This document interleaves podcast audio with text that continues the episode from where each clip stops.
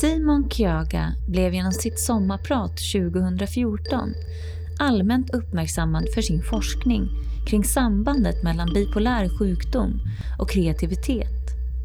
Eller rent av genialitet. Inte nog med att man kom fram till att det fanns en sådan koppling, så upptäckte man att nära släktingar till patienten kunde visa liknande tecken. Hur mycket beror på gener och hur mycket påverkar miljön oss? Genom forskning i epigenetik har man kunnat visa hur det barnet utsätts för så tidigt som i mammas mage kan komma att påverka dess stresskänslighet senare i livet. Tillgång till mat kan exempelvis påverka hur en person kommer att förhålla sig till mat under resten av livet. Sammanfattningsvis kan vi säga att våra barndomstrauman eller starka upplevelser i tidig ålder kan komma att påverka inte bara oss själva utan även kommande generationer då miljö även påverkar hur gener formas. Men kanske kan det här vara en positiv nyhet.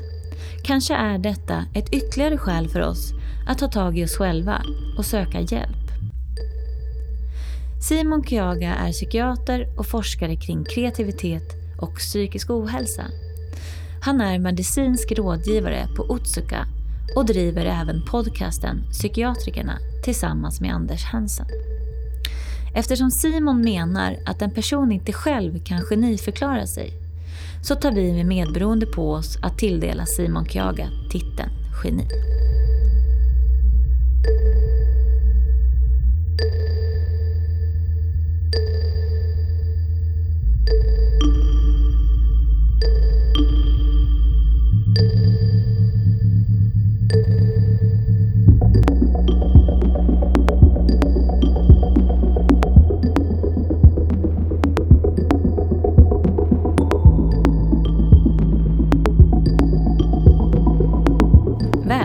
Simon. Tack så mycket. Jag tänkte om du skulle vilja börja med att berätta lite grann om dig själv och vad det är du gör. I grund och botten så är jag ju psykiatriker, arbetar kliniskt, eh, även om det inte är lika mycket som tidigare. Eh, men samtidigt så forskar jag eh, och det är väl framförallt forskningen som har gjort det som jag har blivit mer uppmärksammad kring, som handlar om kreativitet och psykisk sjukdom. Där vi har gjort eh, stora internationella studier, eller, eller stora nationella studier, men de har fått ett internationellt genomslag kan man säga, i kraft av att de är just så stora. Eh, där vi har tittat på sambandet mellan kreativitet och psykisk sjukdom och vi har definierat kreativitet som eh, kreativa yrken. Och där ser vi att det verkar finnas ett samband mellan kreativitet och psykisk sjukdom. Framförallt då bland patienter med bipolär sjukdom och släktingar till patienter med bipolär sjukdom och schizofreni. Sen har vi undersökt andra psykiatriska diagnoser också som vi säkert kommer in på senare idag. Men, men där är det inte lika tydligt. Så att, där är vi lite, där står vi och väger. Det, finns det ett samband eller finns det inte samband? Det är väl den stora frågan just nu. Och jag vet att forskare är ett av de här kreativa ämnena som ni har varit inne på. Ja, uh-huh. det låter extremt pretentiöst alltså, att forska på sig själv på det sättet. Uh-huh. Men det var faktiskt inte vår idé, utan från början så hade vi, eller vi arbetade med flera olika typer av, av definitioner från början. Det är svårt att definiera vad, vad ett kreativt yrke, vad det är för någonting. Så att, då tittar vi lite i litteraturen och vi landar i fyra olika definitioner. Allt ifrån en väldigt snäv definition till en väldigt vid definition. Och om man börjar med den vida definitionen, då beskrivs den i princip som personer som arbetar med saker där de fattar ganska självständiga beslut som bygger på förvärvad kunskap. Så det är ju väldigt, väldigt, väldigt brett. Mm. Och det samlar ungefär 20-30% av befolkningen i alla fall. Men just den definitionen har man sett att den har ökat enormt eh, förekomsten i, i befolkningen när det gäller just kreativa yrken. Så vi ser liksom en kreativ explosion i det moderna samhället. Nu är dilemmat om man har en sån vid definition, så det, ur forskningsperspektivet så är det ju svårare att hantera en sån vid definition. Så att vi landade faktiskt i den väldigt snäva definitionen och det var konstnärliga yrken som har de flesta ändå kan relatera till att liksom, i snitt så är ändå konstnärer lite kreativare än befolkningen i, i snitt så att säga.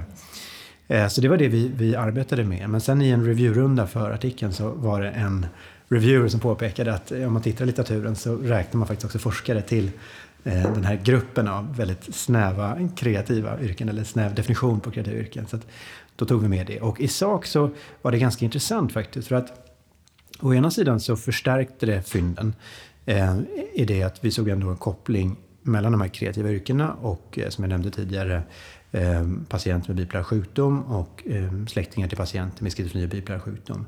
Men det vi såg var att när vi då jämförde konstnärliga yrken och vetenskapliga yrken, då skilde det sig lite faktiskt.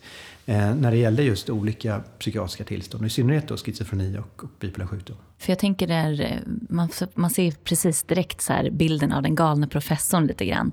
Eh, jag ser Einstein, om jag minns rätt så är han också efterdiagnoserad som, som bipolär manodepressiv då? Ja, alltså det där är alltid svårt att liksom retrospektivt ställa diagnoser. Det är väl sånt man egentligen inte ska syssla med. Ehm, det finns ju en, en lång tradition av att, att, eh, att göra det. Som på något sätt är ett av skälen till att kanske hela det här området har hamnat lite vanrykte. Liksom. Ehm, men om man nu ändå ska göra det. så, så just Einstein har man väl diskuterat mycket kring ehm, vad det skulle kunna vara. Och vad jag vet så har han egentligen inte Eh, diagnostiserats med en specifik eh, psykiatriskt eh, tillstånd. Många har ju diskuterat att han skulle ha lite drag som är mer förenliga med liksom, autism och så. Men, men det tror jag inte är bekräftat. Utan vad som verkar vara mer bekräftat är att hans son, vad jag vet, ska ha haft schizofreni. Mm. Eh, och det, om det nu är på det sättet så är det intressant därför att eh, det vi faktiskt såg det var att just släktingar till patienter med schizofreni, vilket ju då Einstein är i sin relation till sin son så att säga, eh, verkar karaktäriseras av att man just tänker lite annorlunda, att man tänker lite normbrytande. Och frågan är om man liksom väljer att tänka annorlunda eller om det faktiskt är så att man är oförmögen att tänka som man brukar. Mm. Jag, jag, skulle nästan tro att det faktiskt är just det, att man mm. saknar förmågan att tänka som man brukar tänka.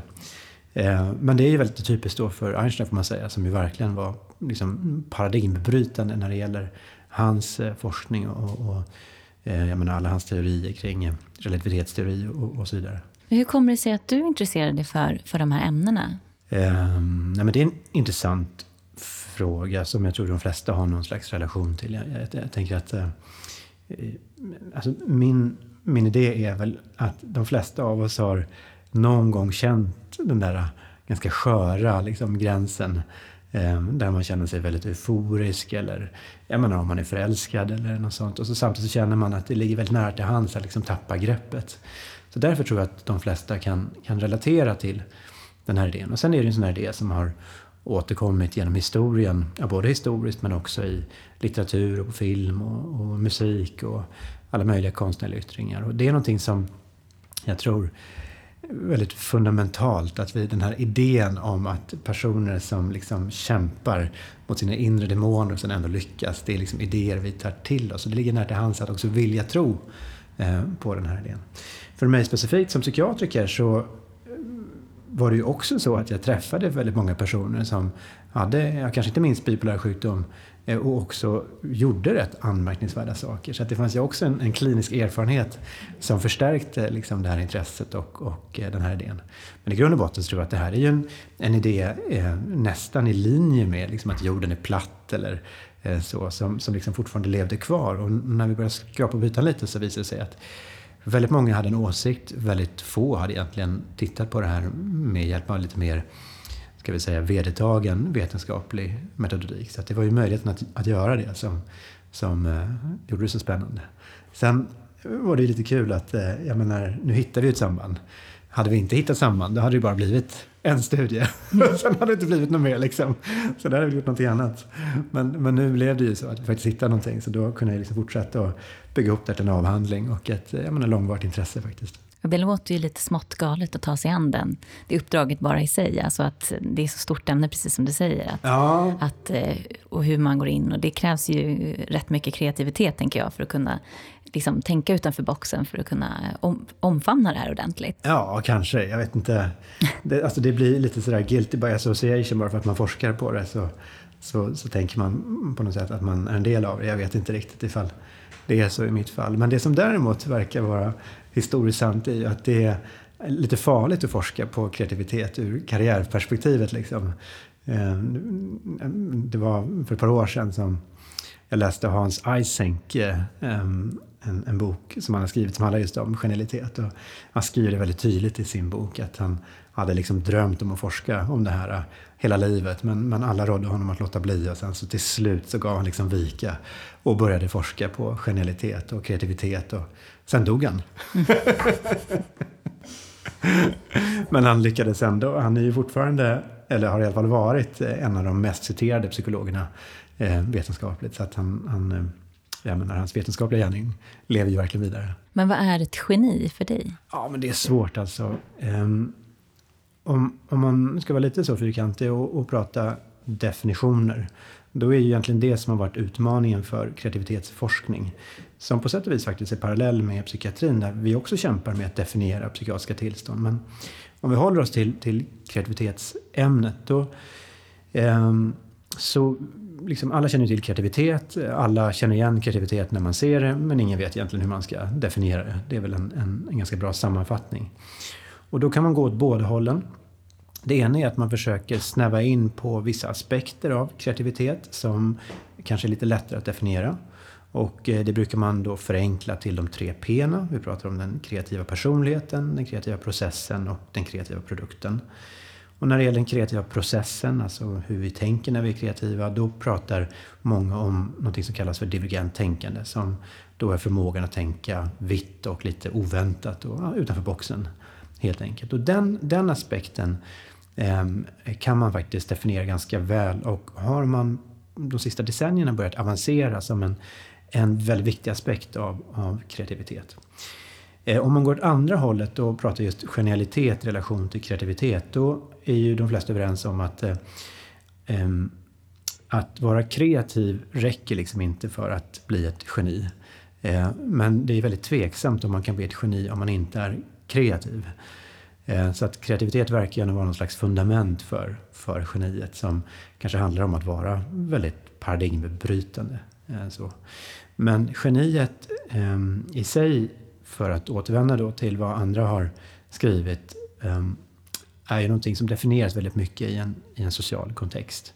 Alltså, det är ju skrattretande att kalla sig själv för ett geni. Det är ju först när andra börjar kalla en för ett geni som det verkligen eh, finns någon slags substans i det. Så, att, så det är väl det, att det, det är helt enkelt när andra personer uppfattar att man är ett geni som, som man faktiskt är ett geni. Är du ett geni? Det skulle jag knappast eh, påstå.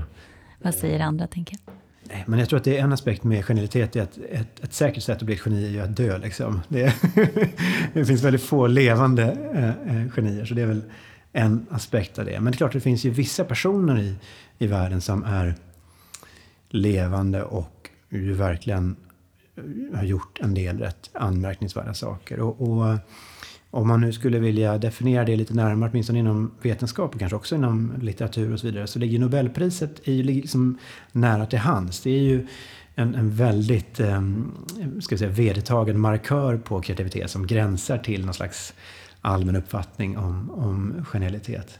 Men det finns mycket som visar att när man väl har fått det här Nobelpriset, ja, då producerar man inte så mycket mer värde.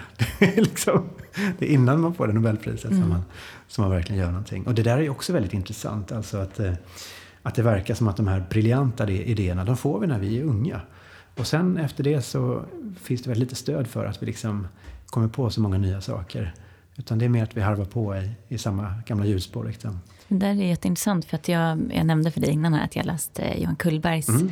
eh, skaparkriser och då eh, framförallt då kring Strindberg, Strindberg. Just att, och, och han eh, kom ju fram till det här då att eh, de var, eller den här typen av eh, kreativa personer som ändå hade led av psykisk ohälsa på något sätt. Att det var jättemycket liksom, kreativt flow som unga men sen började den här ja, om man då säger att det kanske var mer maniskt som ung och sen började det bli depressivt som, som äldre. Och att de tappar liksom det här produktiva. Det var snarare att det fick utlopp i olyckliga relationer eller alltså, liksom dricka jättemycket alkohol eller destruktivt leverne överhuvudtaget. Och det där är ju jätteintressant. Jag, jag har inget bevis på det, men det är ändå någonting som ligger ganska nära den filosofin, om man säger så. Absolut. Eh, jag menar, det finns ju också en aspekt i vilken typ av kreativ yttring. Ehm, det finns ju en, en idé om den här medellivskrisen, eh, också kopplad till kreativitet, där man menar att före och efter den här medellivskrisen någonstans runt 30-40 där någonstans. Så, så eh, liksom kreativiteten har lite olika uttryck. Där det, innan det här är det väldigt så dynamisk och sprudlande och eh, ja, men väldigt eh, eldig liksom, kreativitet. Och sen så efter det så kommer en annan typ av kreativitet fram som är lite mer eftertänksam och närmast filosofisk i sin karaktär. Och om man tar en disciplin som poesi till exempel så kanske den bygger mer på det här emotionella och, och drivet. Eh, medan om man istället ska skriva en, en, en, lång roman, men det är klart då är det en annan typ av liksom, kreativ yttring. Och det gäller ju inte minst också om man kopplar det till, eh, Eh, till forskning där man verkligen först måste ha tillgodogjort sig eh, vissa liksom, färdigheter för att överhuvudtaget kunna liksom, ge uttryck för sin, sin kreativitet. Och det gäller förstås andra aspekter också. Men sen är det ju en annan en, liksom, del i det som du säger som handlar kanske om att, att eh, så som jag tror faktiskt att det är, så som jag skulle vilja Eh, också tolka våra resultat. Att, att det är egentligen inte liksom den psykiska sjukdomen som i sig är förknippad till kreativitet utan att det snarare är att det finns vissa personlighetsdrag som är förknippade med ökad kreativitet men också en större risk för att drabbas av en psykisk sjukdom. Och när man väl drabbas av den här psykiska sjukdomen, eh, då är den ett hinder för kreativiteten snarare än att den hjälper till. Och det är klart, över tid så, som med alla sjukdomar som, som man drabbas av, så blir man ju mer och mer märkt eh, av det. Det finns ju gott stöd för att det är på det sättet vid schizofreni. Det finns ett begynnande stöd för att det är så vid bipolär sjukdom. Vilket understryker behovet av att tidigt komma in med någon form av åtgärd som kanske kan göra att man kan bibehålla den här kreativiteten som man kanske annars skulle gå miste om. Men om vi går tillbaka då till bipolaritet. Jag tänker det finns säkert de som inte riktigt har så bra koll på bipolaritet. Vill du förklara lite begreppet och vad det innebär att vara bipolär? Ja, man kan säga att det finns två psykiatriska sjukdomar som traditionellt verkligen har definierat psykiatrin. Och eh, det är just schizofreni och bipolär sjukdom. Och ehm, bipolär sjukdom kallar man ju förut för manodepressivitet. Så det är egentligen eh, samma sak då. Eh, och ehm, modern psykiatri vilar väldigt mycket på ehm, en psykiatriker som hette Kreppelin. Eh, som var verksam för ungefär 100 år sedan. Och det som var speciellt med honom, till skillnad från hans samtida, det var att han eh, var liksom kliniskt verksam. I det att han bodde på ett, eh, ett mentalsjukhus och vistades under flera år med patienter. När han kom dit då var alla patienter samlade och många såg framför sig att de skulle vistas på det här sjukhuset resten av sina liv egentligen. Men, men Kreppling kunde se att över tid, över några års tid, så var det väldigt tydligt att trots att när han kom dit så var alla ungefär lika dåliga så att säga, så, så var det ändå så att vissa av de här de blev snabbt bättre och, och kunde sen återhämta sig och åka hem. Medan andra personer de blev i stort sett bara sämre och sämre och sämre. Så att han gjorde en väldigt grov uppdelning. Så att, eh, av de då som, som var så pass dåliga så att de behövde eh, läggas in helt enkelt, där kunde Kreplin se att det fanns två grupper. De som bara blev sämre och sämre och de som blev bättre i perioder. Men sen kunde han också se då att de ibland blev Eh, påverkade igen. Och eh, just de här som varierade kallade han ju för manodepressivitet, eller det vi kallar för bipolär sjukdom idag. Medan eh, den andra gruppen som då blev sämre och sämre kallade han för dementia precox, vilket är i stor utsträckning det vi kallar för schizofreni idag. Nu måste man säga att Kreppelin redan alltså ganska tidigt insåg att den här gruppen med schizofreni då, som blev sämre och sämre i själva verket inte riktigt var på det sättet. Utan ganska många kunde också även där återhämta sig Eh, eller inte försämras utan förbli på ungefär samma nivå över tid. Men, men det typiska var ändå att, att mandepressivitet präglades just av att man i perioder var framförallt djupt deprimerad och i perioder kraftigt uppvarvad eller manisk eh, som, eh, som vi kallar det. Och eh, idag så delar vi ju in mandepressivitet i åtminstone två olika typer. Där båda kännetecknas av väldigt djupa depressioner. Men den ena gruppen då har väldigt kraftiga perioder med uppvärmning vi kallar för mani och den andra gruppen då med mindre uttalad uppvärmning som vi kallar för hypomani. Och mycket talar för att även om det som syns mest tydligt och, och det som man kanske tänker på när man tänker på mandepressivitet, det vill säga de här perioderna med uppvärmning, så det är egentligen de depressiva episoderna som sannolikt både är, är fler och också ställer till med de största problemen faktiskt över tid. Men kan man säga att bipolaritet eller bipolär sjukdom är en progressiv sjukdom? Eh, det brukar ju komma, alltså jag, som jag förstår det så, så är det ingenting som blommar ut förrän kanske i tonåren eller så. Ja, alltså om du med det menar att den är progressiv så absolut, eh, definitivt. Det man diskuterar det är ju lite då, om man nu går tillbaka till historien där, där liksom idén var att då bipolär sjukdom eller maladiositet kännetecknades av att man i perioder var kraftigt påverkad och i perioder då så återhämtar man sig helt och hållet. Eh, det är ju den, den historiska bilden av bipolär sjukdom. Då kan man ju se att mycket talar för att över tid så blir det en, en gradvis försämring. Det är ju väldigt tydligt när det gäller eh, sociala aspekter. Alltså Eh, om man i långa perioder är djupt deprimerad eller kraftigt uppvarvad så är det ju svårt att upprätthålla utbildning, svårt att upprätthålla arbete, skaffa familj och så vidare. Så på så sätt blir ju konsekvenserna socialt sett stora över tid. Den stora frågan är väl vad är stödet för att, att det också finns en parallell påverkan på hjärnan eh, som liksom tar skada av de här perioderna med depression och eh, eh mani. Och, och det finns en del stöd för det. Det finns data till exempel från Eh, Sankt Göran eh, här i Stockholm som har tittat eh, på det. Det finns ett stort eh, projekt som drivs av Mikael Landén när det gäller bipolär sjukdom där det finns stöd för att det, det kan vara så. Och jag tänker på det här då med kreativiteten hos en bipolär person, säger vi då, eller en person med bipolär sjukdom. Kan man se någonstans i de här, det går ju perioder som sagt, olika scopes som kommer. Men jag tänker, vart i, den här, i de här svängarna är en person som mest kreativ? Ja, det finns lite stöd för när det är. Framförallt historiskt sett när man tittar på stora eh, ja, just genier eller mm. framstående eh, konstnärer så verkar det som att eh, det är det hypomana liksom, perioden. Alltså när man går från att ha varit liksom, balanserad eller det vi kallar för eutym till att man är på väg upp och blir uppvarvad men innan det liksom har blommat ut helt och hållet. Det är den mest produktiva perioden. Det är då man skapar som mest. Man får mycket energi och idéer som gör att man då producerar flera saker men samtidigt är man fortfarande så fokuserad så att man faktiskt kan göra någonting. Man är inte så pass uppvarvad så att det liksom blir ett, ett eh, stort problem. Å andra sidan så finns det vissa som menar att det är visserligen sant att det kanske är då man liksom faktiskt kan ge utlopp för de här idéerna men att det är under perioder med depression som man liksom samlar på sig erfarenheter och man är mer introspektiv och funderar Eh, så man behöver den perioden för att liksom låta de här idéerna mogna på något sätt för att sen eh, ges till uttryck. Det som skulle tala emot det är väl egentligen att i vårt material har vi ju inte sett att det finns något samband till ökad kreativitet bland personer som har bara depressioner utan uppvärmning. Utan eh, det verkar vara nödvändigt att ha de här perioderna med uppvärmning för att faktiskt kunna ge uttryck för sin sin kreativitet. Där tänker jag på då Kullbergen.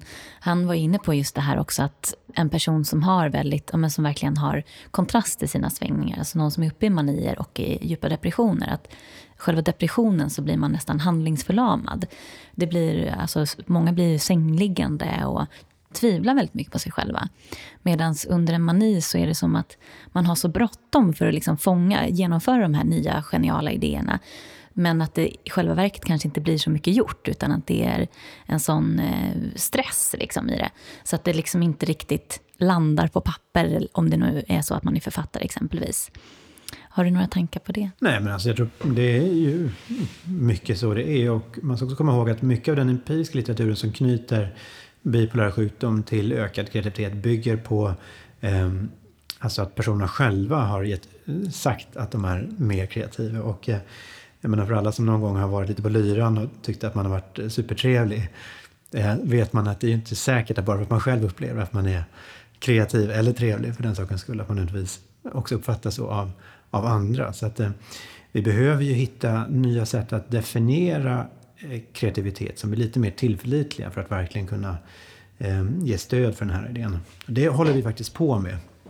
Och eh, man får väl ändå säga att vi faktiskt har gjort det också.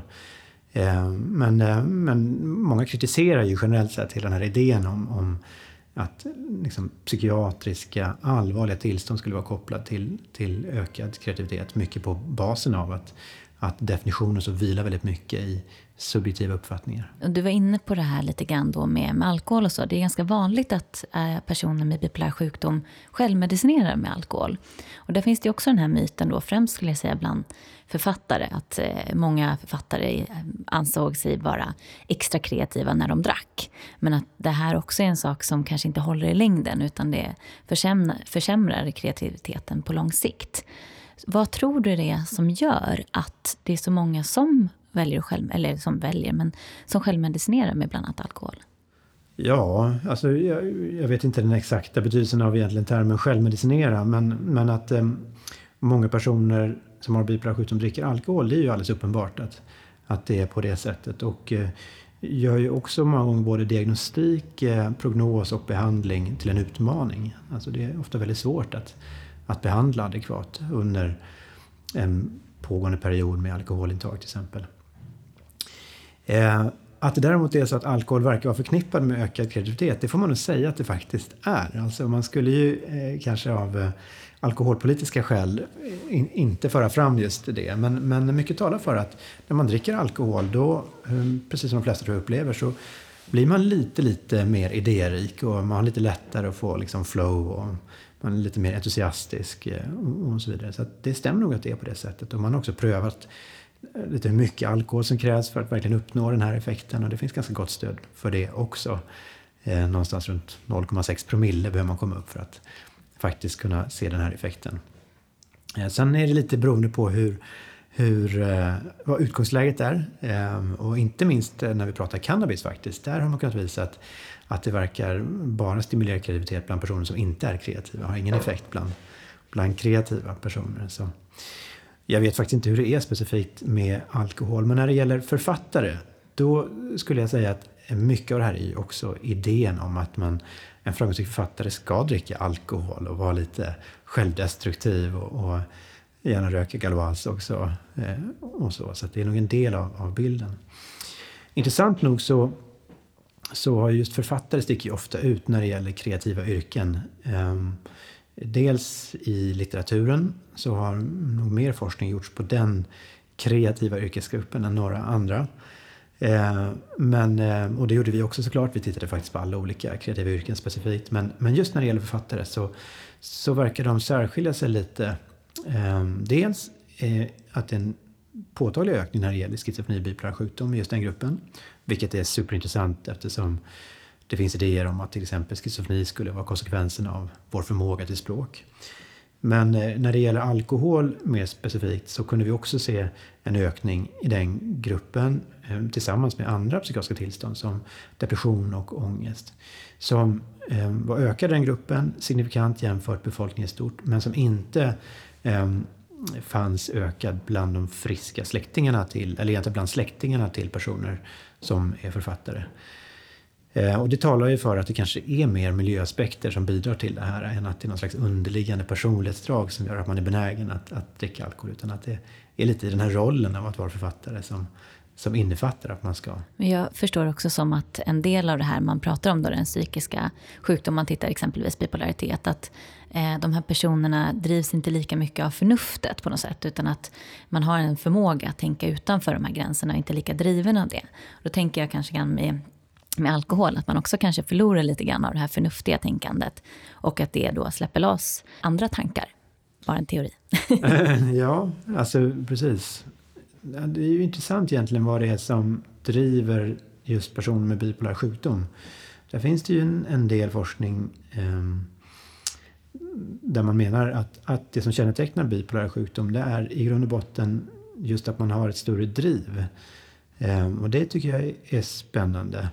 Eh, för det skulle kunna förklara varför olika yrken som kanske inte primärt har kreativitet gemensamt utan mer har liksom driv eh, gemensamt. Vi har ju också tittat på ledarskap som en annan, annan sån idé om att eh, det skulle vara ökat, eh, alltså ökad förmåga bland personer med bipolär sjukdom och, och hittar också stöd för att det är så. Så, att det, så kanske är det inte nödvändigtvis liksom förmågan att vara mer kreativ utan det är mer det här att man är väldigt ambitiös, har ett väldigt starkt driv om man har bipolär sjukdom. Och eh, då finns det idéer om att det här bottnar kanske i att man har ett lite förändrad eh, förutsättning för liksom, eh, eh, ja, ett slags belöningssystem. Inte nödvändigtvis dopamin eh, som många då instinktivt tänker utan generellt sett att vi har ju ett system som belönar oss eh, eh, för saker som är bra för oss, att vi rör oss i riktning mot det och ett system som liksom bestraffar oss då så att vi inte rör oss mot saker som är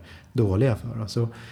Och det här är ju konceptuellt för, för alla människor. Men det som kännetecknar då de flesta personer är att om man då driver sig eller gör någonting eh, och sen så får man då det här, om det nu är att man blir världsmästare på 100 meter eller, eh, eller vad som helst egentligen.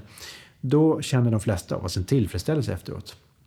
Och den tillfredsställelsen eh, gör ju att man slappnar av, man slår sig ner, lägger upp fötterna på bordet och, och, och softar lite. Eh, men mycket talar för att personer med bipolär sjukdom kännetecknas av att eh, de känner det här i lite mindre utsträckning de får lite mindre av den här eh, tillfredsställelsen. Eller den blir kanske lite kortare. Eh, vilket gör att man då är snabbare på, liksom upp i sadeln igen och, och eh, driver på. Och det är klart att om, om man har den här tendensen, om man har då att man snabbare är på gång igen, man är beredd att driva sig hårdare för att det här kanske också är så att man är mer känslig för den här typen av belöning. Ja, då inser man ju att då kommer man att driva sig hårdare. Man kommer såklart sannolikt att lyckas bättre, för det är ju en konsekvens av att man driver sig hårdare. Men det är såklart också en större risk att man kommer att kompromissa med sömn och återhämtning, vilket kanske leder till att man helt enkelt eh, drabbas av en depression eller ett, ett, eh, en period med uppvärmning. Så det skulle kunna förklara varför det då finns en koppling till ökat ledarskap, eh, kreativa yrken eller fria yrken generellt. Men också en ökad risk för just eh, eh, att drabbas av ett maniskt skov eller så. Och jag menar, när det gäller psykopedagogik och eh, många psykosociala insatser så handlar det mycket om att hitta rytm. Liksom, att faktiskt prioritera ordentligt med sömn och, och struktur i, i vardagen. Och det är ju lite eh, speciellt då att det kanske är så att det som liksom kännetecknar personer med bipolär sjukdom, om det nu är på det här sättet, eh, är, är det som då är en fördel utifrån perspektivet, kreativitet och driv. Men kanske också är det som man måste arbeta med hårdast för att faktiskt minska risken för att över tid drabbas av en depression eller ett maniskt Och jag har läst också alltså, att det är bevisat att passion är nästan en ja, nummer ett ingrediens för att du ska kunna lyckas göra en karriär. Och just det här att du att drivs du av att exempelvis tjäna pengar så kommer du kanske inte lyckas med den karriären på samma sätt för att du kommer inte få med dig folk. Och då tänker jag också en person som kanske är då eh, bipolär att att eh, du har det där drivet att du är liksom så in, Jag kan ju känna igen det i och med att jag själv är bipolär. Att eh, när jag intresserar mig för någonting så blir jag superengagerad. Och det tänker jag också är en sån där sak, om man pratar ledarskap och så, att det är en förmåga att få med, få med sig människor. Det måste ju vara en jättefördel, tänker jag. Verkligen. Eh, jag menar, det är alldeles uppenbart att det mesta kan man inte göra själv. Man behöver ha hjälp av personer. Och har man då en, en förmåga att entusiasmera andra människor till att, att hjälpa en så måste det vara en otroligt fördelaktig eh, egenskap. Eh, det ena tror jag, precis som du säger, är liksom passion och så vidare. Det är svårt att och göra folk entusiastiska eh, bara med argumentet att tjäna mer pengar. Eh, även om det säkert kan locka en hel del. så eh, finns det en annan aspekt också som är lite spännande med bipolär sjukdom. Och det är ju att det finns en del stöd för att eh, personer som senare i livet får bipolär sjukdom, det skiljer sig lite i snitt eh, för eh, dem hur det går i skolan jämfört med befolkningen i stort. Eh, eh, helt enkelt att de personer som senare får bipolär sjukdom är lite mer ute i, i extremerna så att säga. Man kan se att eh, de personerna både har eh, sämre betyg oftare men också har bättre betyg oftare. Så det är liksom lite färre som placerar i mitten och fler som är ute i svansarna på, på fördelningen. Eh, och det är ju spännande. Eh, sen finns det också studier som tittar på IQ kopplat till bipolär sjukdom. Och ehm, där har man inte kunnat visa det signifikant, men en tendens har man sett att eh, personer med bipolär sjukdom som inte har andra, andra psykiatriska tillstånd, de kännetecknas av att det kanske är en, en ökad förekomst av personer som har högt IQ också. Eh, och när man bryter ner IQ, som ju i sig självt är häftigt debatterat, eh, så finns det olika aspekter av IQ och en aspekt är verbal förmåga. Och det verkar vara just den förmågan som driver den här övergripande ökningen eh, i IQ. Alltså att man är, helt enkelt väldigt verbal. Och det måste ju rimligen vara en stor fördel om man ska försöka få med sig folk att, att ha den språkliga eh, förmågan. Det finns förresten eh, empiriskt stöd för att det är en väldigt viktig egenskap som ledare, just språklig förmåga. Om man tittar då liksom diagnoser och så, det har ju talats ganska mycket om att Eh, att det har blivit lite sådär nästan trendigt. Och det är många som ifrågasätter det här med diagnoser och, och sådär. Även geni, alltså begreppet geni tycker jag också är någonting som, som man börjar slängas med ganska mycket. Men det här med diagnos då. Tror du, för mig då, jag har ju som sagt levt både innan diagnos och efter diagnos. Vad är fördelen med att få en diagnos på de, på de här grejerna? Alltså man kan ju diskutera för och nackdelar med diagnos utifrån individens perspektiv, den som får diagnosen. Men man kan ju säga så här att jag är helt övertygad om att eh, psykiatrin är en del av ett medicinskt paradigm. Eh, en tradition. Och eh, den medicinska traditionen kännetecknas av att man har en diagnos.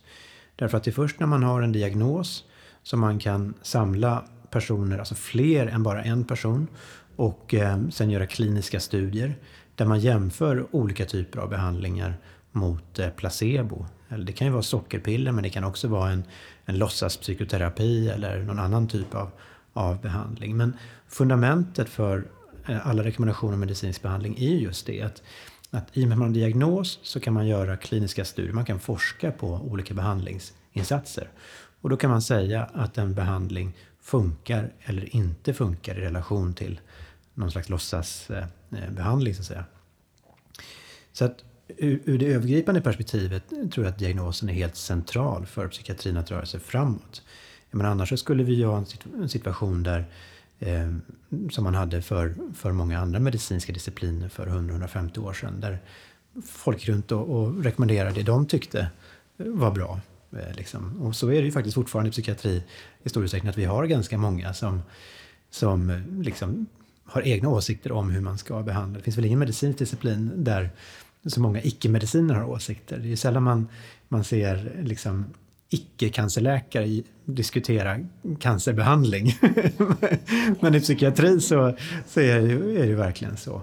Och kanske är det inte bara liksom att, eh, att vi är i, en, i början av en utveckling utan också att eh, eh psykiatriska tillstånd är kanske inte heller precis samma sak som eh, cancer eller andra kroppsliga eh, sjukdomar. Men jag tror absolut att diagnosen övergripande är nödvändig för att driva utvecklingen framåt. Jag menar, så komma ihåg att, att innan vi hade regelrätta diagnoser i psykiatrin som var väl beskrivna, framförallt med introduktionen av det amerikanska systemet, ja då hade vi väldigt lite studier som överhuvudtaget visade att någonting egentligen funkade eh, inom psykiatrin. Så det är först i och med diagnosen som vi faktiskt kan säga med viss säkerhet att det ena eller andra funkar bättre eller inte. Det är viktigt, jag tänker också det där på att kunna ge rätt hjälp snabbare. Ja, ja, visst. Så är det ju givetvis jättefördel med att kunna sätta en sån diagnos. Absolut, det är först när vi har diagnosen som vi har möjlighet att rekommendera någonting som vi faktiskt kan säga att vi har viss kunskap om. Annars är det ju bara spekulation och tyckande liksom. Eh, vilket i och för sig kan bygga på erfarenhet och så, men det är någonting helt annat faktiskt. Eh, och vi ska inte fördjupa oss i statistik och så, men det är klart att, eh, att eh, jag menar av ren liksom sannolikhetsmässigt så kommer man ibland av tillfällighet ha tur med en viss form av intervention. Och då kanske man använder den oftare och då kommer man ha större chans att ytterligare någon gång ha tur med, med den behandlingsinsatsen. Men om man nu ska prata om nackdelar med, med diagnostik så skulle jag säga att det i väldigt stor utsträckning är utifrån individens perspektiv.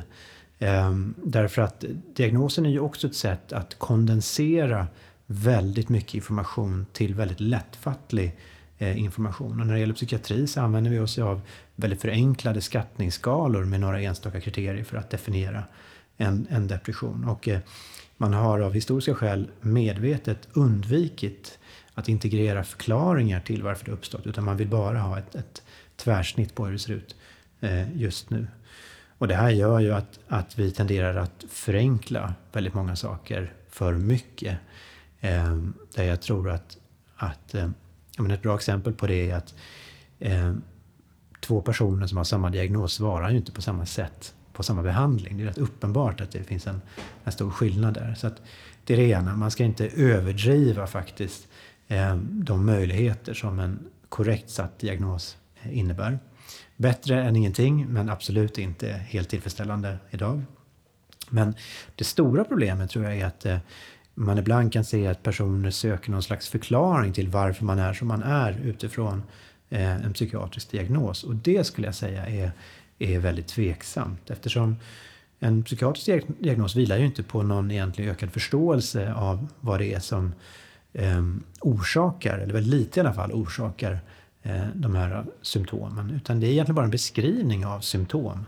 Där vi i och för sig vet att om man har då de här symptomen, då är det större chans att man ska svara på en viss behandlingsinsats. Så det har ju absolut värde.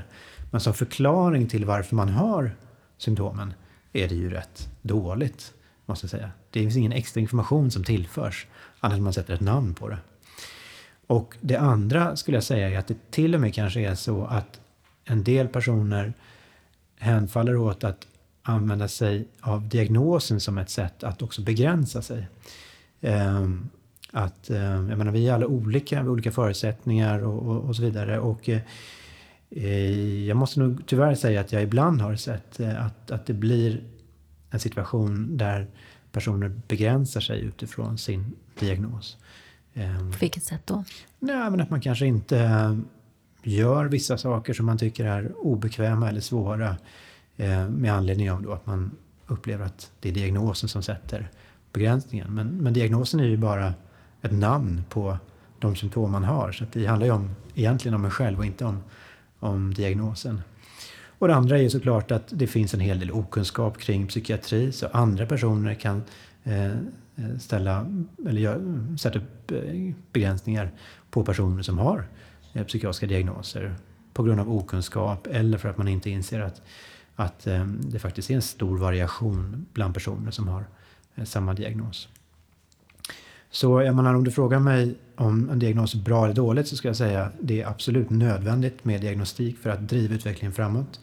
Men å andra sidan så är det rätt uppenbart att det inte enbart fördelaktigt. Det finns många eh, ganska negativa aspekter av det och jag tror att det är, vår, eh, alltså det är nödvändigt att försöka också lyfta fram de här frågorna med den stora variation som finns bland personer som har samma psykiatriska diagnos och också vad en diagnos faktiskt är för någonting. Att det just bara är ett namn på en samling symptom. Och det viktigaste är ju inte vilket namn de här symptomen har utan det viktigaste är vilka symptom man faktiskt har. Det är de man ska eh, adressera. Det är väl eh, som jag nämnde till dig, jag hade ju Fred Nyberg då som är beroendeforskare. Ja. Vi pratade ju om det huruvida det skulle vara en fördel att, att eh, diagnostisera medberoende, nu behöver det inte gå under det namnet, men att det är eh, väldigt många som behandlas för olika symptom. Alltså att man hamnar för depression där och sin ADHD där. Alltså att det blir en väldig spridning, att man inte behandlas som individ.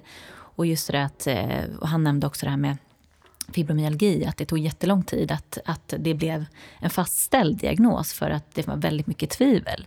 Och det är klart att det, tar, det är väl en process att, att komma igenom det här, att eh, sätta ihop vad som är en diagnos. Och som du säger, att det skiljer sig från individ, även om det är samma diagnos det handlar om i slutändan. Ja, verkligen. Alltså frånsett de eh, sakerna som vi diskuterat när det gäller diagnos, så har ju diagnosen också en, en oerhörd kraft. Alltså, det är ju eh, vår tilltro till liksom, kategorier och eh, siffror och det som är mätbart och så vidare. Så i kraft av att det finns en diagnos uppfattar vi att, att det existerar. Liksom. Eh, och eh, av politiska skäl så är det ju diagnoser ofta kopplade till olika former av insatser från samhällets sida, ekonomiskt stöd och, och andra åtgärder. Så det finns en politisk aspekt i, i diagnosen som, som man också måste tänka på. Och det är klart att det kan finnas politiska skäl till att driva en, en, en sån diagnos. Men, men många skulle nog säga att det också är ett dilemma att man till exempel kopplar ekonomiska aspekter som sjukskrivning eller andra åtgärder just till diagnosen. Att det främjar liksom inte det här individuella perspektivet utan det är snarare så att det pressar fram nödvändigheten av att ställa diagnoser på personer som kanske inte ens uppfyller kriterier för diagnosen men som annars inte skulle få tillgång till de insatserna om man faktiskt inte formellt fick diagnosen. Jag tänker på det här då, om man tittar på det här med medicinering. Att det finns ju väldigt många, jag vet Ann Heberlein hade ett program eh, om bipolär sjukdom och så. Och att det är väldigt många som eh, är emot det här med att medicinera sig. För de upplever att då, bland annat den här kreativiteten, det här drivet eh, försvinner lite grann. Finns det någon forskning på det där huruvida medicinen faktiskt begränsar en Eller vad? Nej, alltså jag tycker den frågan är, är superintressant verkligen eftersom det är, precis som du säger att det är en, en vanligt förekommande reflektion liksom, att eh, behandlingen begränsar kreativiteten. Mig veterligen så finns det väldigt lite gjort på det här och när jag gick igenom litteraturen så var det egentligen bara på litium som ger en behandling för bipolär sjukdom som man faktiskt hade tittat specifikt eh, eh, på det här och det var tre eller fyra studier varav två, ja, det var fyra studier, tre var bra och två är ju väldigt typiska för den kliniska utmaningen när det gäller just det. Den första studien den tittade på personer som hade litiumbehandling och eh, mätte just eh, eh, divergent tänkande, alltså förmågan att tänka utanför boxen egentligen. Och eh, de mätte det och sen så eh, fick de placebo under en period så att eh, man kunde se då att litiumnivåer sjönk. Och så mätte man hela tiden den här förmågan till att tänka utanför boxen och sen så sattes man också in efter en period och nio på, på litium. Och då kunde man mäta en, en viss skillnad faktiskt i förmågan att, att eh, tänka vitt och brett. Eh, eh även om det var väldigt liten skillnad så var det ändå mätbar eh, skillnad. Och helt förenlig med att många patienter beskriver att man har liksom svårare att, att eh, tänka snabbt och, och så vidare. Eh, men den andra studien den eh, intervjuade konstnärer som just hade fått behandling med litium och efter en längre tid då, att de fick retrospektivt gå tillbaka och, och beskriva var det bra eller dåligt med, med litium ur deras perspektiv när det gäller just kreativitet. Och då, ja det var 24 eh, konstnärer, sex sa att det var ingen skillnad. Ehm, men sex sa att det hade blivit sämre, fast 12 personer, 12 konstnärer sa att det faktiskt hade blivit bättre. Ehm, och bättre framförallt därför att ehm, det har ju minskat risken för depressiva maniska skov och de i sin tur är så oerhört destruktiva för, för kreativitet. Och går ju tillbaka till det här hur vi definierar kreativitet. För att det är en sak att sitta vid ett bord och ha lite idéer. Det är en annan sak att faktiskt göra någonting av de här idéerna. Och, och för att göra det, jag menar om man till exempel är konstnär, då behöver man kunna ägna flera timmar varje dag åt att ge uttryck för kreativiteten. Man behöver kunna betala sina räkningar, ha ett jobb, ha en familj, upprätthålla ett socialt nätverk, eh, kanske klara av att gå på eh, vernissage och, och såna grejer, vara med på intervjuer. Alltså det är så många olika aspekter av en framgångsrik kreativ karriär som bygger på att man är hyggligt stabil ändå över tid. Och det var väl det som de här konstnärerna insåg att, att det var liksom värt priset, eh, den här lilla, lilla minskningen mot att kunna arbeta stabilt, eller stabilare i alla fall, eh, över tid. Så jag, jag, har ju liksom som sagt också blivit diagnostiserad och jag ja. äter medicin. Och jag kan ja. ju se skillnaden innan jag eh, åt medicin och framförallt mm. innan jag fick min diagnos. Mm. Så hade jag ju perioder där jag var bra och stabil och så här. Och sen just det här när jag var på väg upp i en hypomanperiod, då, hade jag, då var jag jätteduktig mm. eh, på det jag gjorde rent kreativt. Alltså jätteduktig och hade framförallt ett enormt självförtroende. Mm. Men sen to, det på, pågick under en, ändå en lite kortare period om man ser det i det stora hela. Mm. Och sen övergick det i den här övertron, men att jag faktiskt kanske inte var så bra längre, utan att det var mer en slags eh, idé eh, i, i huvudet. Det var en känsla du hade? Ja, känslan, men också att, eh, att någonstans där på vägen så tappade jag det faktiska och det mm. blev mer en, eh, ja, egentligen ganska osympatiskt sätt att se på mig själv och på andra. Mm. Men det som, eh, som jag kunde känna då var att jag satte igång väldigt mycket olika projekt och hade jättemycket idéer och, och var väldigt handlingskraftig. Mm. Men att det gick så pass snabbt så att sen kom den här depressionen så jag kunde aldrig genomföra saker ordentligt och följa upp det. Och det där, då, då var det ju liksom en, en grej för mig att jag var ju jättekreativ, jag hade massa positiva saker. Men sen när jag eh, började äta medicin då, jag äter inte litium utan jag äter Seroquel och mm. eh, Lamictal. Och jag upptäckte, eller jag upplevde, till början så var det jättemycket bieffekter och så. Men i det totala så känner jag att jag fortfarande har ett kreativt flöde. Mm. Eh, men jag har lite lättare att strukturera upp det. Och de sakerna som jag kunde göra under ett maniskt eller hypomanskov så eh, kunde jag titta på det efteråt och tycka att det här kanske inte var så bra, utan det var väldigt mycket saker som var i mitt huvud. Mm. Eh, och det är intressant, för nu när jag äter medicin så känner jag mig... Det, är ju, jag är ju mer jämn. Jag har fortfarande lite upp och ner, men de är inte lika eh, järva liksom, kurvor. Men någonting, det som jag kan känna då, som jag har tappat, det är just det här lite, det verbala som du pratar om. Att jag tappar ord, att jag blir lite begränsad, att jag är lite trögare att nå fram. Och där är en fin balans. För, för mig har det varit värt att hitta den här balansen eh, i mitt humör. Eh, snarare än då att, att tappa vissa av de här grejerna. Men det är ju, jag tänker vad det gäller kreativitet så är det svårt att avgöra vad som är mest värd kreativitet på något sätt. Verkligen. Det är jättesvårt. Och just eftersom det är så många olika aspekter i, i den här kreativa yttringen som ställer olika krav. Det har ju gradvis blivit så att jag eh, oftare träffar personer som har kreativa yrken i mitt kliniska arbete. Och eh, jag menar, mm, när det gäller visuella yrken så kännetecknas det ofta av att man behöver vara liksom väldigt kreativ i studien så att säga. Men, men sen så finns det ett klart behov av att vara väldigt organiserad i relation till att sköta kontakterna med när man ska sälja och vernissage och så vidare. Och, och inte för eh, uh, bipolär sjukdom men för eh, uh, ADHD så, så eh, är det inte alls ovanlig fråga hur man ska förhålla sig där eftersom det är en sån variation och det är lite lätt att styra behandling där också. Så, att, så att det är en eh, utmaning. Och jag tror att därför så skulle jag vilja hävda att det Um, vi behöver definitivt uh, vila våra behandlingsrekommendationer på kliniska riktlinjer som i sin tur vilar på liksom, empiriska studier med stora kliniska prövningar och så vidare. Men vi måste också acceptera att, att eh, de bevisen vi får ur empiriska studier är ju på gruppnivå.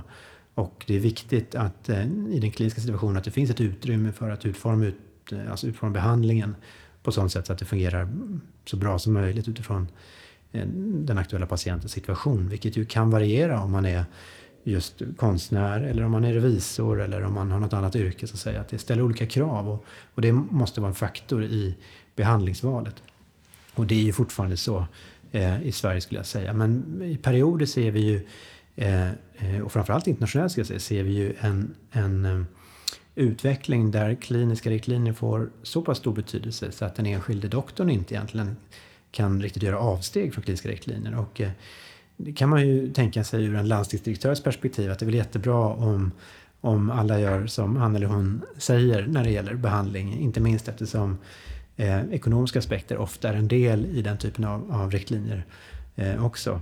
Eh, men jag tror att det skulle vara förödande för för väldigt många patienter och för övrigt också för, för intresset bland psykiatriker. För att om, om, om man inte kan ta in det liksom unika i den specifika kliniska situationen, men då är hela yrket meningslöst också. Då kan man ju fråga sig om det är så att vår värld skulle sett likadan ut om vi skulle ha medicinerat då de som vi efteråt har eh, satt någon form av diagnos på ja. som schizofrena eller bipolära eller manodepressiva. Ja. Eh, hur det skulle ha påverkat de här stora eh, idéerna som har, som har förändrat. Det, vi pratar om Einstein, liksom, det är mm. ju enorma eh, saker som har påverkat hela vårt eh, mänskliga utveckling nästan. Det kan, alltså, det kan man verkligen diskutera. Um, Sen finns det väl en, en hel del som menar att egentligen så är det kanske inte så mycket individerna. Det finns liksom alltid ett stort antal personer som har ungefär samma kapacitet. Så om, om en faller ifrån så förr eller senare så kommer nästa person komma på det här. Man har ju eh, byggt program, alltså evolutionära dataprogram som kan lösa ganska många av, av de problem som vi har ställts inför de sista hundra åren. Så förhoppningsvis skulle väl, om inte den här Einstein, så kanske en, en annan eh, Einstein ska komma på det. Men, men det som ändå är intressant är det man fortfarande har svårt att simulera när det gäller datorprogram. Det är ju faktiskt inte att lösa problem utan att ställa frågor. Det är liksom det som verkar vara svårast att, att simulera, den största utmaning. Och därför så tror jag att det är viktigt att vi liksom fortsätter ifrågasätta eh, de här aspekterna. Inte minst när det gäller relation till klinisk behandling men överhuvudtaget invanda liksom uppfattningar och åsikter. Jag tycker att det är särskilt roligt i relation just till ledarskap där eh, jag eh, och säkert många med mig ofta känner förtroende för personer som eh, liksom är lugna och fokuserade och organiserade och så vidare. Men mycket talar ju för att de här ledarna som verkligen har gjort skillnad, de har inte alls varit särskilt organiserade eller fokuserade, utan tvärtom. De har varit helt oorganiserade och i mycket större utsträckning eh, kanske också lidit av någon form av psykisk ohälsa. Så att, eh, jag tror idén, alltså den uppfattning vi har om många saker behöver vi utmana och det gäller inte minst när det gäller hur vi förhåller oss till personer som har psykisk ohälsa. Jag tänker på det här då, det här är ju Medberoendepodden. Har du någon relation till ordet medberoende? Vad är det för dig? Ja, men det är en bra fråga. Jag har, utifrån min forskning så har jag ju inte så mycket relation annat än att vi ju faktiskt har tittat på släktingar i många av våra studier. Och vår, vårt perspektiv är ju trots allt att, eh, att eh, det kanske är så att släktingarna i första hand kan bära med sig de positiva aspekterna av den ohälsa som ja, deras då närmaste släktingar faktiskt bär på. Jag menar, I vårt material till exempel så kunde vi se att vid schizofreni så fanns det ingen ökad förekomst av kreativa yrken bland personer med schizofreni men däremot bland deras första grads släktingar. Ehm, så att eh, jag menar ur det perspektivet så är det ju egentligen positiva aspekter som eh, anhöriga får med sig, i synnerhet då om man är första grads släkting så att säga. Mm. Men eh, sen är det ju alldeles uppenbart ur ett kliniskt perspektiv att, och det glömmer man ofta bort, fast man har börjat titta mer och mer på liksom, eh, faktiskt den börda som många anhöriga bär i relation till psykisk ohälsa. Att, eh, det är klart att om, om en person lider av schizofreni eller eh, något missbruk eller eh, eh en depression så är det ju alldeles uppenbart att eh, det drabbar inte bara den personen utan alla personer runt omkring och eh, eh kan ju leda till ja, dels mycket psykologisk eh, lidande men också rent faktiskt tid som går åt till att att, att använda för att hjälpa till. Eh, man har ju försökt ekonomiskt uppskatta vad det får för konsekvenser för samhället. Eh, och man börjar nu inse att det kanske inte räcker bara att titta på den som drabbas utan också på eh, den drabbades anhöriga som kanske faktiskt, det finns vid schizofreni studier som talar för att en anhörig till person med schizofreni lägger ungefär motsvarande heltidsarbete på att hjälpa Eh, den person som har schizofreni och det gäller sannolikt många andra psykiatriska tillstånd. Så, så det är ett perspektiv vi behöver lyfta i allt större utsträckning. Och, eh, jag menar, som psykiatriker är jag intresserad av att försöka eh, upplysa om behovet av att samhället satsar på psykiatriska tillstånd. Eh, och eh, där får man nog säga att, att anhöriga glöms ofta bort i den argumentationen. Eh, mycket fokus på patienter, mycket fokus på olika insatser men ganska lite fokus på de konsekvenser det innebär för anhöriga men också den förlust det innebär för samhället i stort med att anhöriga inte kan få det stöd som de behöver. Jag tänker då på två saker. Dels så mm, jag hänvisat till ett, eh, ett tidigare avsnitt till en forskare och barnläkare som heter Nadine Burke Harris. Jag vet inte om du känner till det. Men hon har eh, forskat i det här med childhood trauma.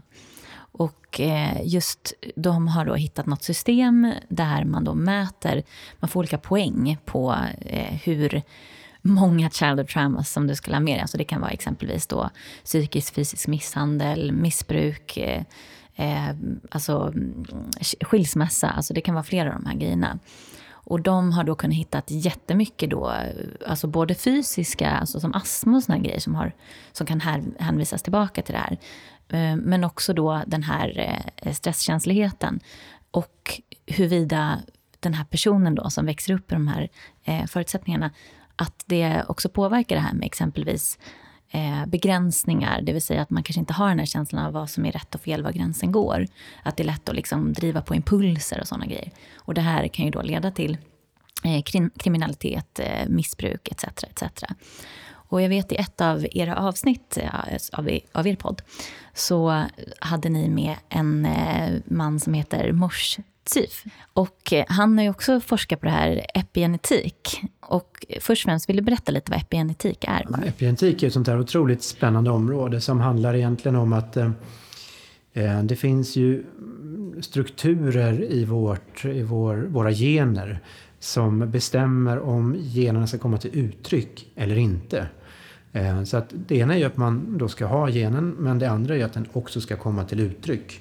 Och eh, huruvida den kommer till uttryck eller inte beror i väldigt stor utsträckning på vilken typ av miljö som vi möter. Det kan vara till exempel trauman eller eh, andra aspekter som, som, som bestämmer det här. Och när det väl då är, är bestämt att den ska komma till uttryck, då finns det en viss tröghet i det här. Om man diskuterar, det är väl liksom den stora frågan, huruvida man också kan föra med sig eh, de här eh, epigenetiska förändringarna. Men, eh, alltså till, till, eh, till barn. Och, eh, men, men, men framförallt då att det finns aspekter eh, där att man kan inte bara titta på generna, man måste titta på vad är man med om och på vilket sätt översätts det här eh, i en epigenetisk mekanism som bestämmer vilken gen som ska komma till, till uttryck. Och där, Ehm, utan att det är mitt specialområde, så har man diskuterat många olika psykiatriska tillstånd eh, som depression, ångest, eh, eh, men också ADHD i relation till det. Att det kanske är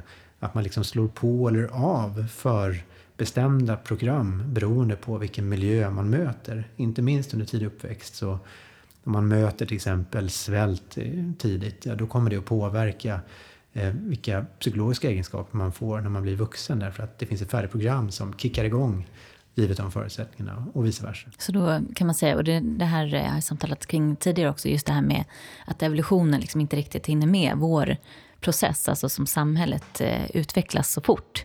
Och att vi har kvar vissa av de här grejerna som belöningssystem och exempelvis. Det är ju väldigt vanligt att när man tittar då på, på beroendeproblematik och så, att det här eh, belöningssystemet kanske är i det fallet destruktivt för att eh, det har liksom haft en nytta eh, lång tid tillbaka. Men nu där vi är nu så skapar det massa ja, eh, negativa, destruktiva, får, får destruktiva och negativa konsekvenser. Verkligen. Jag skulle säga att många av de mer vanliga psykiatriska tillstånd, alltså tillstånd som kanske finns eh, över ja, över 1-2 procent av befolkningen i alla fall. 5-10, jag menar vissa psykiatriska tillstånd som social fobi säger man är till 20-25 procent. Alltså det är nog tillstånd som just är en, någon slags evolutionär rest av någonting som var fördelaktigt men som inte riktigt synkar med vårt moderna samhälle. Så frågan är ju om det här kommer lösa sig av sig själv över tid eller om det är någonting som vi behöver göra någonting åt. Men det fina är ju att vi verkar ju ändå kunna göra rätt mycket för de här psykiatriska tillstånden. Nu, Eh, när vi pratar depression och ångest och, och så vidare så finns det ju nu väldigt gott stöd för olika former av insatser som kan hjälpa väldigt många. Men det är klart, det finns fortfarande ett behov av att, att hitta nya möjligheter för de som ändå inte blir hjälpta av det som vi kan erbjuda idag. Så att säga. Och det är ju fortfarande en ansenlig del faktiskt. Och det är just det här att han var inne på att många av de här grejerna som exempelvis till och med redan i magen hos mamman så kan det få effekter för hur barnet sen utvecklar exempelvis stresskänslighet och så. Absolut. Och det tycker jag är jätteintressant. Men nu måste jag titta i mina papper. Men jag vet när man tittar på bipolär sjukdom att det finns någon sån här eh, liten mall som man brukar titta på. Och det är det här med arv, sårbarhet och det leder till bipolaritet. Men också att det ska till miljö och stress. Mm. Och då tänker jag då, jag är uppvuxen då som sagt med en mamma som var alkoholist och bipolär.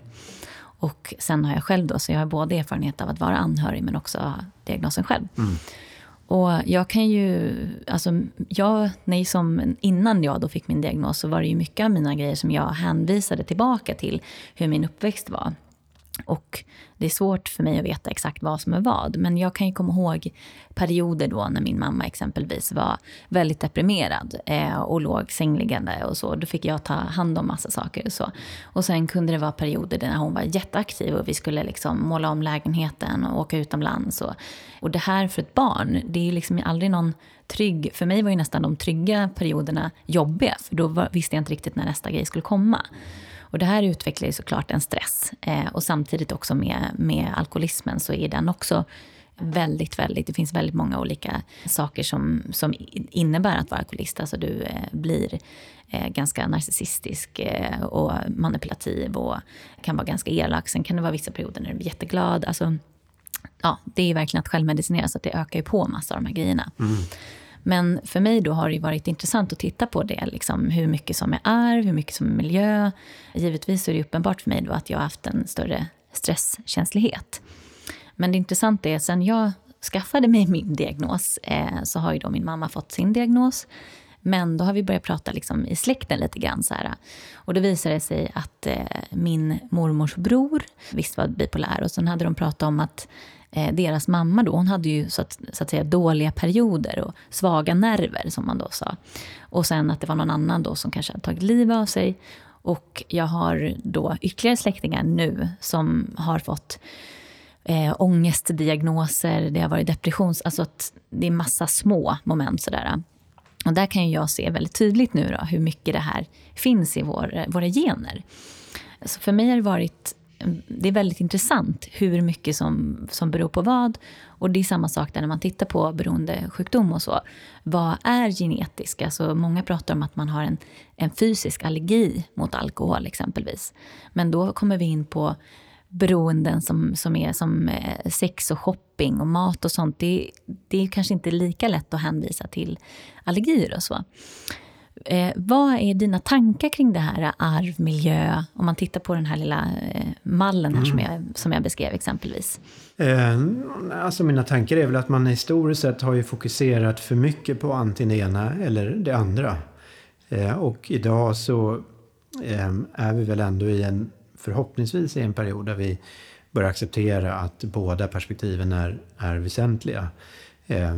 Sen finns det såklart olika representanter för det ena eller andra. Men, men överlag så tror jag ändå att vi alla är rätt på det klara att det är en kombination av de här två aspekterna. Sen kan man ju fråga sig, eh, miljömässiga faktorer kan ju vara bättre på det sättet att det kanske är lättare att, att påverka dem. Eh, men det är ju en sanning modifikation för att om, om miljöfaktorn är att man tidigt trauma, då är det ju ingenting man kan eh, påverka. Och då kan det också bli någon slags självuppfyllande eh, profetia. Och när det gäller eh, genetik så kan ju man ju för sig inte påverka sina gener i alla fall riktigt än. Ehm, men ehm, det hindrar ju inte att man då kan undvika saker som kan vara skadliga för en. Som, som, som man då kan få kunskap om utifrån vilken gen som är, är drabbad så att säga. Så att eh, det viktigaste är väl egentligen inte hur mycket genetik och hur mycket miljö, utan vad ska vi göra med den informationen som, eh, som, som dyker upp så att säga. Och eh, jag menar, där har vi ju nu pratat om mitt speciella intresse och det är ju eh, det här med kreativitet kopplat till det här. Och där tror jag ändå man kan säga så att det finns ändå en, en koppling mellan kreativitet och vissa former av psykisk ohälsa. Och mycket talar väl för att de åtminstone delvis vilar i genetik. Men om man nu har de här förutsättningarna så handlar det också om vad gör man med den informationen? Eh, och där har vi ju lite pilotstudie eh, tillsammans med Handels där vi diskuterar just det här perspektivet att eh, vårt samhälle kanske ibland är lite fyrkantigt. Liksom. Att vi behöver eh, kanske acceptera att om vi är intresserade av kreativitet och innovation och så vidare då behöver vi ha också lite större tolerans för, för eh, beteende som inte är lika genomsnittligt. Liksom. Eh, det, det, tror jag nog man kan säga att, att det är så. Det finns ju många som hävdar att, att kreativitet har inte alls någonting med det här att göra utan tvärtom att det är väldigt rationellt och, och så. Men, men jag skulle ändå vilja säga att utifrån vår forskning som stärker att det här sambandet mellan kreativitet och psykisk sjukdom och att det vilar både på någon slags genetisk och eh, miljömässig grund. Att en konkret slutsats skulle vara i hur ska vi använda den här informationen till att skapa större förutsättningar för till exempel ett mer tillåtande och inkluderande arbetsliv. Eh, och där tycker jag det är spännande att se att eh, å ena sidan ser vi en utveckling där man tydligen börjar automatisera processer i urval i större utsträckning. Man använder sig av väldigt fyrkantiga instrument för det, vilka i stor utsträckning faktiskt eh, kommer välja bort personer som är kreativa givet det här sambandet. Och att det kanske finns ett behov av att argumentera för det här sambandet men också för att utveckla konkreta verktyg för att fånga de här egenskaperna. Okej, hur gör vi om vi ser att någon har en potential för kreativitet men vi vet också att det kanske är en större sårbarhet för att drabbas av en depression eller utmattningssyndrom eller så vidare. Hur, hur ska vi säkerställa att vi kan dels um, ur ett rent liksom, samhällsekonomiskt nyttoperspektiv, hur ska vi kunna dra nytta av den här potentialen eh, men samtidigt skapa förutsättningar för den här personen att inte över tid liksom bli eh, utbränd eller drabbas av ett depressivt skov eller så vidare. Den diskussionen skulle jag gärna vilja ha eh, och vila i, i stor utsträckning på idén om att vissa personer har en sårbarhet men den sårbarheten kan ju också vara någonting fördelaktigt men eh, är också beroende i väldigt stor utsträckning på vilken typ av miljö som den här personen kommer att möta. Och det är ju någonting som vi kan forma faktiskt.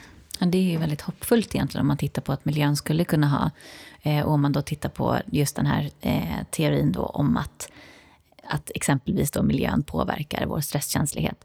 Och just eh, fördelen då att kanske kunna förändra den miljön till positiva saker. Och det i sin tur kanske påverkar då våra gener.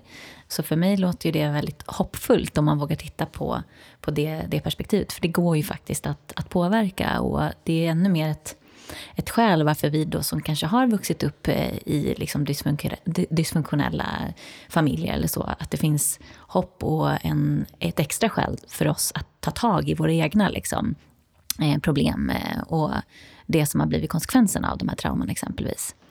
Ja, jag håller verkligen med. Det är ju just det här som jag tycker är så, så spännande. Jag har ju lite en, en buddhistisk bakgrund eh, och det finns mycket att säga om, om buddhismen. Men väldigt mycket är ju väldigt bra faktiskt. Och, och en insikt eh, som är ju väldigt stark inom buddhismen det är liksom att allting är förändligt. Det finns ingenting som är som det är för evigt utan allting kan förändras. Jag tror verkligen att vi har den möjligheten att påverka både vår egen och andra situation för en bättre framtid.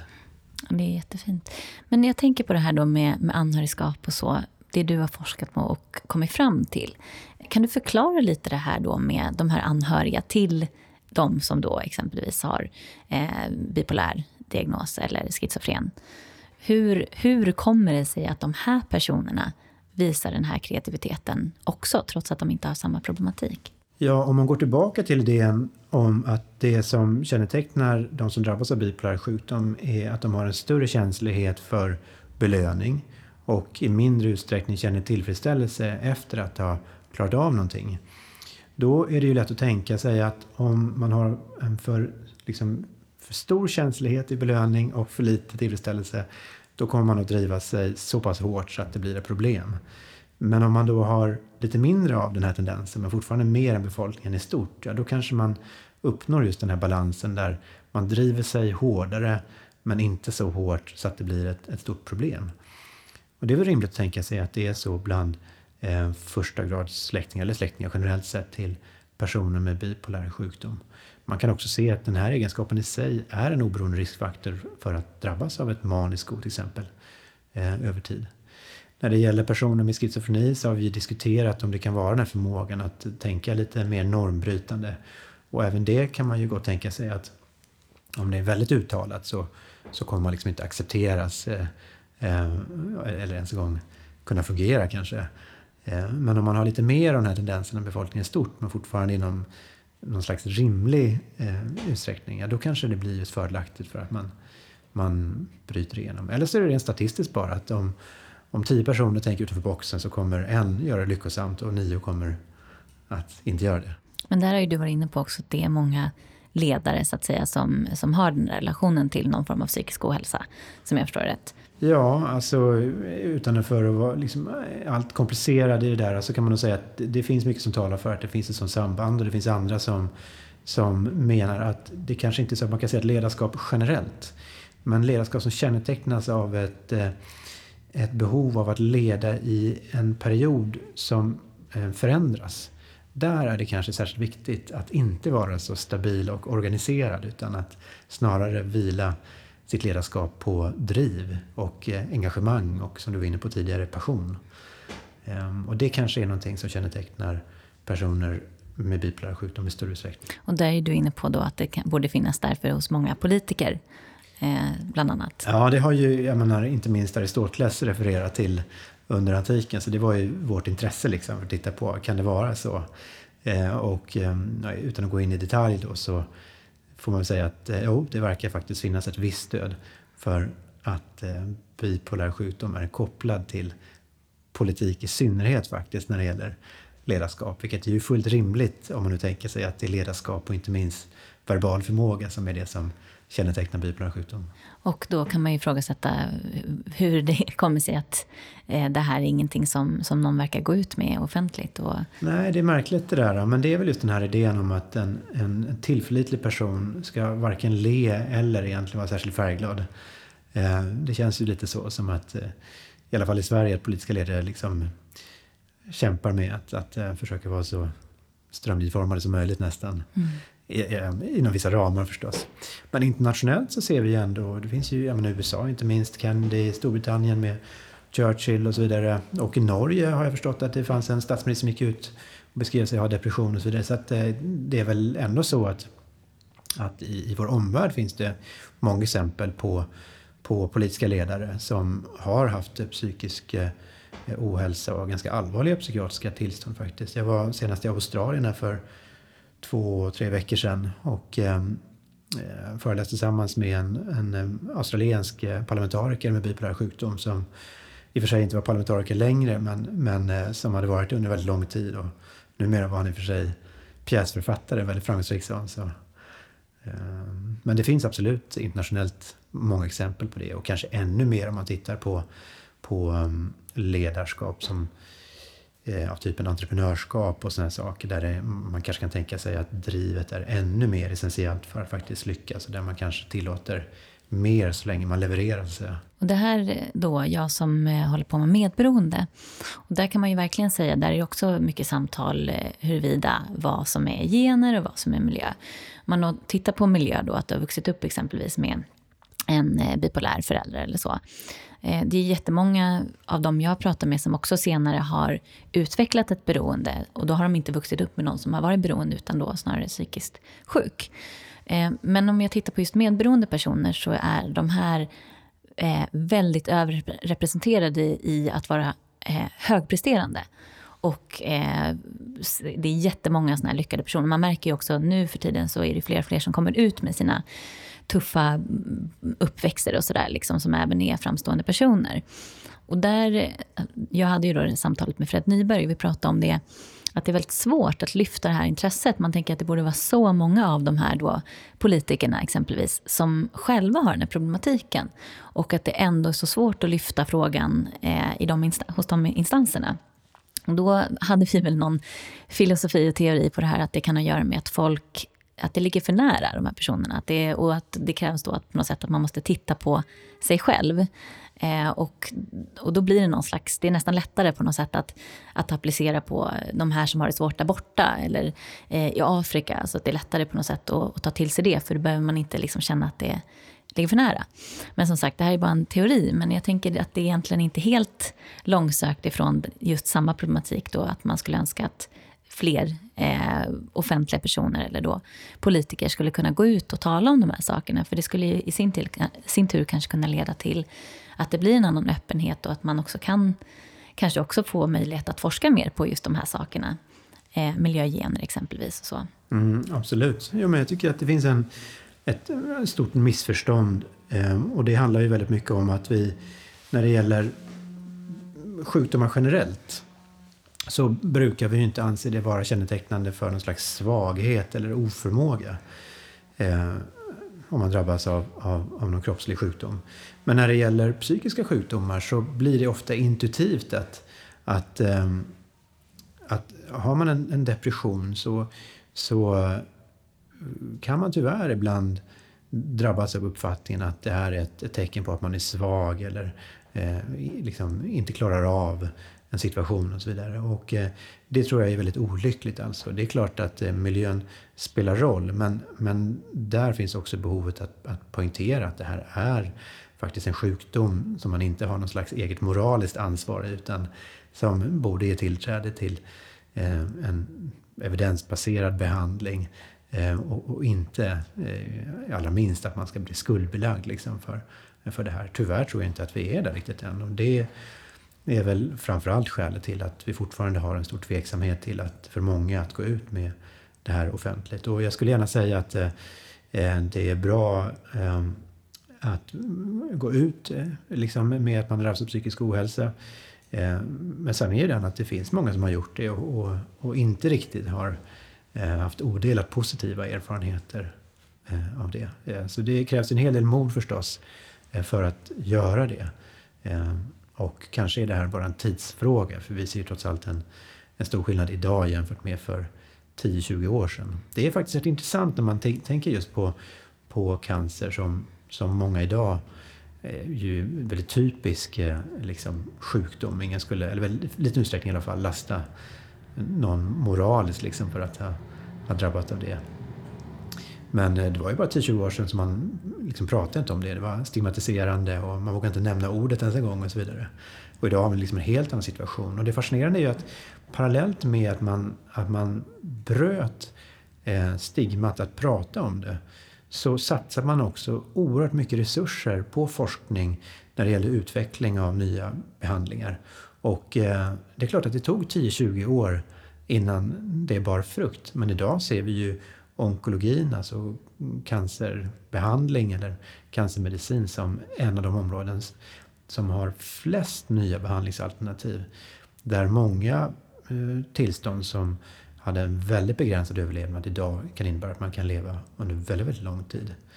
Så att eh, kanske är det här ändå början på en, en förändring eh, som vi ser och förhoppningsvis så kan vi parallellt med det också se ett större engagemang från statligt håll eh, Eh, på den här typen av tillstånd som i förlängningen kommer innebära ännu större möjlighet för, för behandling. Jag kan ju se för min del då, jag hade ju ingen aning att min mamma var alkoholist och bipolär som liten, utan för mig var det bara massa ovisshet och konstigheter och så. Eh, och framförallt så visste jag ju väldigt lite om att, att eh, beroendeproblematik, alltså beroende, är en, eh, alltså att det är en sjukdom. Jag upplevde ju, jag, min, min inställning var ju att det är ett val och jag var väldigt arg på det här. Eh, och samtidigt så tog jag på mig mycket av de här konstiga eh, humörsvängningarna så, att det, var liksom, att det hängde på mig. Och samma sak kan jag ju se då när, jag, när min bipolaritet började liksom utvecklas. Att när jag hamnade i de depressionerna som jag gjorde så eh, försökte jag hitta skäl till varför jag kände sådär. Liksom. Och det var väldigt frustrerande. Och jag vet att jag hade någon situation med eh, några vänner där de tog på sig det som om jag var arg på dem. Och de reagerade väldigt, väldigt frustrerat på mig och tyckte att varför är du liksom så sur? Vi har inte gjort någonting. Och det blev liksom en, ännu mer en, en kamp. Och då tänker jag, för min del så har det varit en befrielse att kunna förstå att de här depressionerna har inte att göra med liksom att jag är dålig exempelvis, utan det är en del av den här diagnosen. Men där är det ju en väldig fördel att kanske börja prata mer om de här sakerna. För ingen människa eh, som anhörig skulle ju få för sig att man har någon slags möjlighet att påverka cancer exempelvis. Och där ju, skulle vi kunna då prata ännu mer offentligt om just eh, psykisk ohälsa och beroende och missbruk och så. Så skulle det vara lättare för folk som är anhöriga att kanske kliva åt sidan och, och inse att de inte kan förändra de här personerna och därmed kunna ta hand om sig själva lite bättre. Och då är vi tillbaka på det här med miljö också, att kunna förändra den och inte vara fast i det där liksom, klistret. Så. Men jag tänker så här, är det någonting, nu har det kommit fram till så här fantastiskt stora eh, svar på frågor som är jättestora och jätteintressanta. Vad är nästa grej? Har du något som du håller på att forska i nu eller vad är du sugen på? Nej, det kan jag inte säga. Alltså, det är ju nackdelen eh, när man har haft förmånen att, att få titta på en sån här fråga som verkligen är någonting som de flesta kan förhålla sig till så är det ju svårt att hitta en till liksom. Eh, men det vi gör som jag tycker är väldigt intressant det är ju att studera det här sambandet eh, ur olika perspektiv, alltså med olika definitioner. Men också att börja försiktigt försöka eh, fråga sig varför det här sambandet eh, ändå finns där. Eh, och, och det finns åtminstone två olika aspekter av det. Det ena är ju rent praktiskt. Vad är det för någonting? Är det en gen som leder till det här eller är det Eh, specifika upplevelser som formar ökad kreativitet och, och risk för psykisk ohälsa? Eller, ja, vad är det som, som förklarar det här och vad händer i hjärnan när man är psykotisk och kontra när man tänker mm, väldigt divergent och annorlunda och så vidare. Det andra är ju att ställa sig frågan liksom, varför finns det här sambandet i den mänskliga populationen? Ehm, kan det vara så att det här är på något sätt att vissa former av psykisk ohälsa på något sätt är priset som mänskligheten betalar för förmågor som är alldeles nödvändiga för oss. Som till exempel ehm, förmåga till språk och så vidare. Så, ehm, ja, men det, det, det finns många saker som, som vi kan undersöka eh, som är kopplat till det här. Men... Sista frågan. Eh, finns det några genier som inte är galna? Det gör det med all säkerhet. Definitivt. Det skulle jag säga. Men frågan är vilka det är bara. Kanske nästa grej att ta reda på.